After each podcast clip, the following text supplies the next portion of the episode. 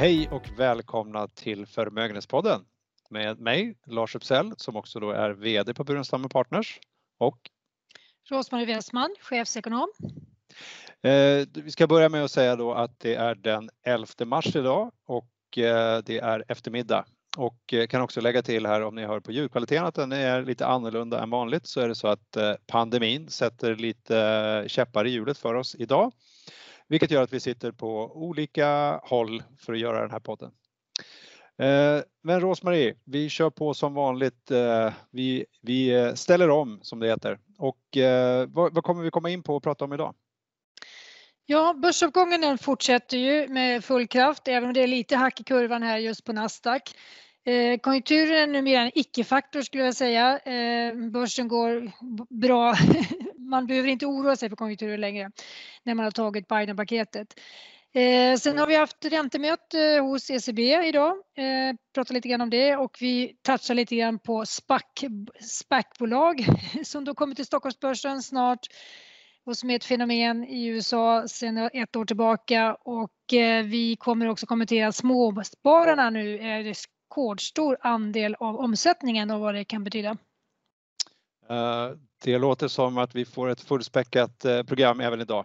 Du, ska vi börja med Biden då? Vi har pratat om eh, hans satsningar framåt och att han, tar tar ifrån tårna, så kanske inte du uttrycker dig, men han har stimulanser på gång och vi pratade om det omfattande paketet som han har nu fått igenom och nu, vad blir nästa steg för honom när det gäller stimulanser?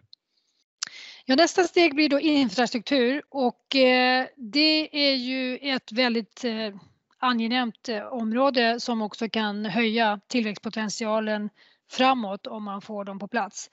Jag tror att det kommer bli mycket, mycket svårare. Det har pratats om att man försöker sikta på 1000 miljarder dollar för det här. Eh, minimum 1000 miljarder ska jag säga och det är då 4 drygt eh, av BNP så det kommer också bli stort men det kommer bli fördelat på över flera år så därför eh, ja, det är viktigt av många skäl men, men det är också en eh, kanske ett positivt eh, karaktärsdrag av det här det är ju att det tar visserligen tid att implementera men då kan vi också få en del stimulanser som spiller över i, i både 23 och 24 vilket är bra. Ehm, huruvida det politiskt sett kommer bli lätt att få igenom detta, det är en annan, helt annan sak. Eh, jag tror att det kommer behövas 60 procent, alltså 60 röster i senaten av de 100. 60-40 är Eh, är, är eh, tröskeln där. Eh, nu fick man igenom det stora paketet med hjälp av då utslagsröster. Där fick man ju 50, där hade man ju 50 demokratiska röster och de var alla med på tåget. Men det här kommer bli tuffare och det är inte så att alltså Republikanerna är inte emot infrastruktur generellt naturligtvis men det är ju hur man gör det. Och i USA är man ju inte van vid att det staten ska blanda sig i investeringar. Det är en en svårighet. Och sen är det väl det här också att det är ganska populärt att, att ta ta ansvar för ett sånt här paket, alltså vem, vem får den positiva feedbacken? Och, och, då har vi ju ett val redan nästa år i, i, USA då, ett mellanårsval som då berör kongressen, båda husen. En tredjedel av senaten och hela representanthuset. Och det är klart att eh, här börjar det väl ta emot för republikanerna att eh, ge de här eh, vinsterna till, till Demokraterna som de sen kan gå till val på. Men kan du kommentera, du, du tyckte ju när vi pratade om de här första 1900 miljarderna eh, så tyckte du att de gick lite för brett. Är infrastruktur ett bättre sätt egentligen att stimulera, tycker du? Ja, jag tycker det är mycket bättre. Eh, det är en realinvestering som man kan ha nytta av under lång tid och gör man det väldigt bra så, så ökar det potentialen för tillväxten. Och man får ju människor i arbete. Eh, och det, nu vet vi inte, det krävs ju ganska ibland kvalificerad arbetskraft i komplicerade projekt. Eh, så det är inte bara att man kan gå från McDonalds kanske till att bygga en bro. Eh, men eh, det, det är bra av många skäl. Det, det, det bygger ekonomin helt enkelt framåt och inte en sån här temporär boost för konsumtionen då som bara försvinner efter ett tag och inte ger någon långsiktig tillväxt. Det här är helt annorlunda. Ja, men bra. Vi får komma tillbaka till och se om han även får igenom det här men det kanske ser lite svårare ut då, som sagt. Du, vi har också pratat om en hel del om att eh, ränteuppgången på långa räntorna har gått iväg en del. Vi har pratat om inflation. Eh, ränteuppgången har kommit av sig, men vad, skulle du, hur ser du på läget med inflation och långa räntor? Mm. Eh, oron var som allra störst här för någon vecka sedan eller två och eh, inflationen hopp, ja, tog ett skutt upp då kan man säga i både Sverige och Europa och kanske till mindre del i USA som redan var på en liten högre, del, högre nivå. Och nu har ju siffrorna från februari kommit då eh, och då ser man ju att det ser ganska lugnt ut. Alltså USA fick en siffra helt i linje. Det gick det till och med den här eh, som man säger kärninflationen gick ner en tiondel till 1,3 eh, och det ser bra ut även i Europa. Så, så det här helt överhängande eh, inflationsoron kanske har lagt sig lite grann. Sen får vi två månader här i mars och april där vi hade väldigt svaga månader förra året så då får man sådana här baseffekter som det heter. Det är rent tekniskt och då kommer det, se, då kommer det också bli sånt här förflyttning uppåt. Men det kommer marknaden vara väldigt förberedd på.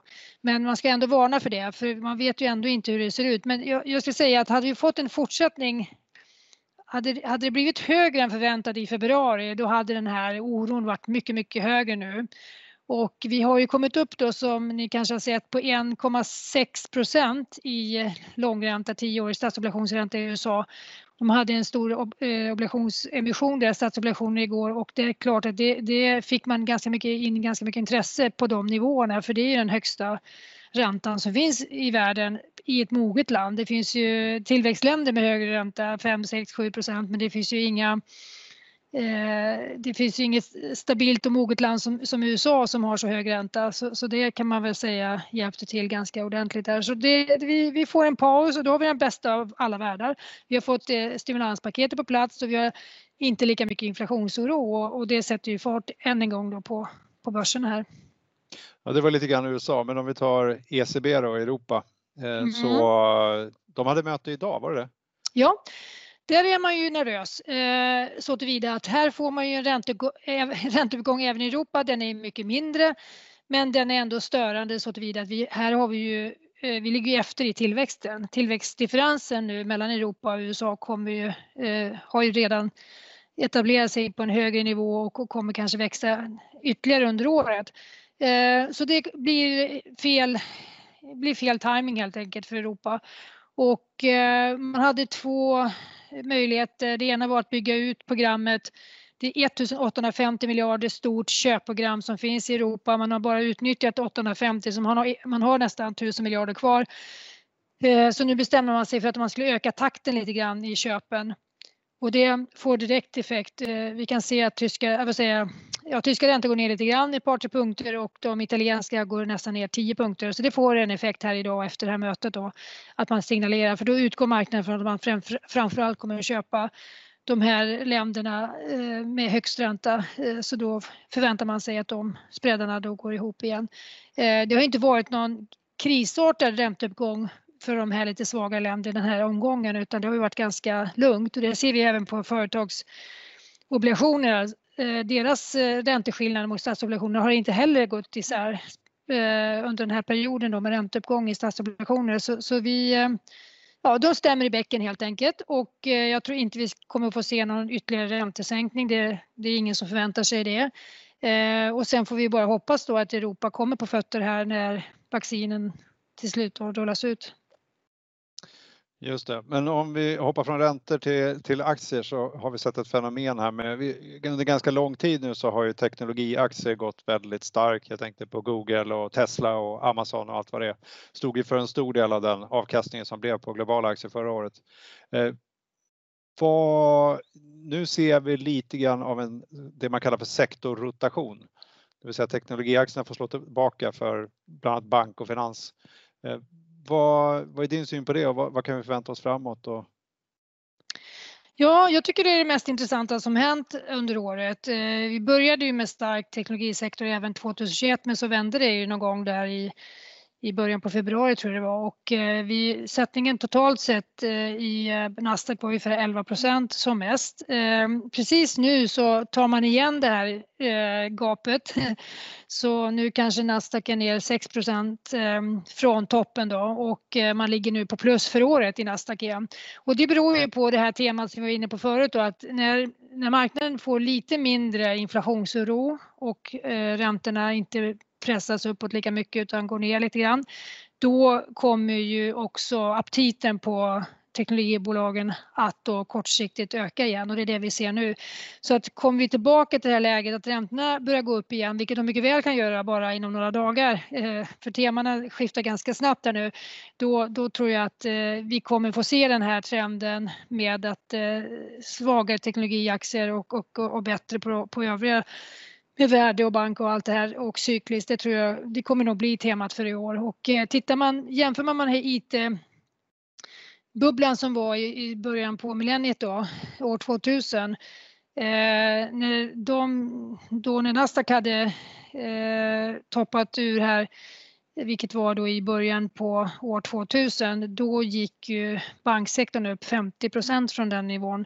Eh, så det kan finnas ganska stora rörelser kvar i den, i den rotationen. Ehm, så det, det, tror jag blir temat fortsatt och eh, vissa aktier har ju haft lite förstås bubbel eh, territorier och eh, Tesla har ju varit en av dem. De gick ner mer än 30 procent, alltså från 900 till lite under 600 och nu ligger de på strax under 700 och det är fortfarande 25 procent eh, korrigering på, på Tesla så, så man ser ju att eh, en del, en del minibubblor har ju, eller minibubblor vet jag inte, men alltså det finns enskilda bubblor här och var som, som nu börjar eh, spricka kan man väl säga, som ett, som ett resultat av den här resan. Men kan vi inte kommentera lite grann på varför teknologi eller, eller ska kalla tillväxtbolag och värdebolag eh, reagerar olika på lång, alltså utvecklingen långa räntan? Det, är ju, det, ja. Mm. Det har ju att göra med de här modellerna som man värderar aktier med och har man en högre ränta då kommer ju värdet av framtida vinster vara mindre helt enkelt. Eh, och teknologibolagen har ju ofta då mycket av sitt värde i framtiden. Och om det då diskonteras med en hög ränta så blir det värdet idag mindre med en högre ränta än vad det, blir med en låg ränta. Det är det enklaste sättet tror jag att förklara det. Men, men det, eh... det var precis det jag var ute efter. Mm, eh, mm. Att, att det är liksom, ju längre bort vinsterna ligger ju större roll spelar räntenivån eh, roll. Mm. Eh, så, så det, var, det var det jag var ute efter. Men vi ska hoppa till något helt annat tema som är eh, lite grann hettar till här i Sverige nu med SPAC-bolag. Eh, mm. Det är ju någonting som har kanske inte ett helt nytt fenomen men, men det har ju blommat ut i USA under förra året och blivit rätt stort. Och nu kommer första SPAC-bolaget till Sverige här. Ska vi börja med att berätta vad det är för någonting? Mm. Ja, man noterar ett skalbolag kan man säga. Det finns ingenting annat än eh, en eh, kontanter i bolaget från början och de brukar då in, eh, och sen är de avsedda för att man ska köpa ett bolag efter att man blivit noterat. Så det står alltså i avsikten med bolaget är att köpa ett, eh, att förvärva ett bolag som inte är noterat inom en period och det kanske oftast är två år. Och eh, ibland har man då ägare med på tåget redan innan man listar. Eh, och de ägarna brukar få Eh, väldigt attraktiva nivåer att gå in på. Eh, och sen kan de ju lämna vid olika tillfällen eh, och en del gör det då också, omvandlas deras aktier istället till warrants som man säger då, det är ju en typ av optioner och då kan de vara kvar med en väldigt liten risk. De har bara uppsidan kvar och ingen nedsida eftersom de har tagit tillbaka sitt kapital då och så ligger kvar med de här optionerna. Så eh, det är framförallt väldigt eh, attraktivt för de som är med från början och får den här gräddfilen in i bolaget. Eh, I Sverige har vi läst lite grann om att det är Bure som tänker ta ett bolag och då eh, fördelen för dem naturligtvis är ju att de får en bra ägarstruktur redan från början i det här tänkta förvärvet. De, får, de kan förvärva ett större bolag än vad kanske de brukar göra. Eh, så det finns fördelar och man måste titta väldigt noga på vilka som står bakom en SPAC. För att det är ju så här att det blir så lukrativt nu så att alla kommer ge sig på det här och då kommer inte alla bli så väldigt lyckosamma. Det kommer bli mer konkurrens om att köpa utestående bolag som, är, som inte är noterade så därför kommer ju det här driva på priserna uppåt eh, för icke-noterade bolag. Och sen eh, så finns det säkert eh, eh, risker för för, för mycket spekulation helt enkelt där man pekar ut då förvärvsobjekt som sen inte blir verklighet. Alltså man, kan, man kan spekulera i att ett bolag ska köpa ett visst bolag som sen inte händer och då står man ju med bara en spekulationsbubbla eh, och så får man förluster då för många småsparare som har kommit in på slutet. Men eh, det är ju en del volymer och förra året var det 78 miljarder dollar i USA och det var över 200 bolag och i år är det är det redan över 200 och 72 miljarder så man har nästan åstadkommit lika mycket på knappt tre månader, två och en halv, knappt det kanske, som man gjorde på hela förra året. Då. Men du, du nämnde här tidigare innan, innan vi började inspelningen lite grann också att privatpersoner, eh, du har tittat lite grann på hur det har gått i USA. Eh, privatpersonerna kommer i kläm många gånger. Ja, det gör de ju för att de kommer in i själva hypen helt enkelt oftast då när, man, när, eh, pressen skriver om det och det blir spekulationer om vilket bolag de tänker köpa och då kan det bli rena spekulationsbubblor kring de här bolagen och om man ger sig in i en sån eh, hype eh, av ett bolag så är det ju väldigt riskfyllt. Då kan man komma in på toppen och så kanske det går ner en 40-50 procent efter man har klivit in.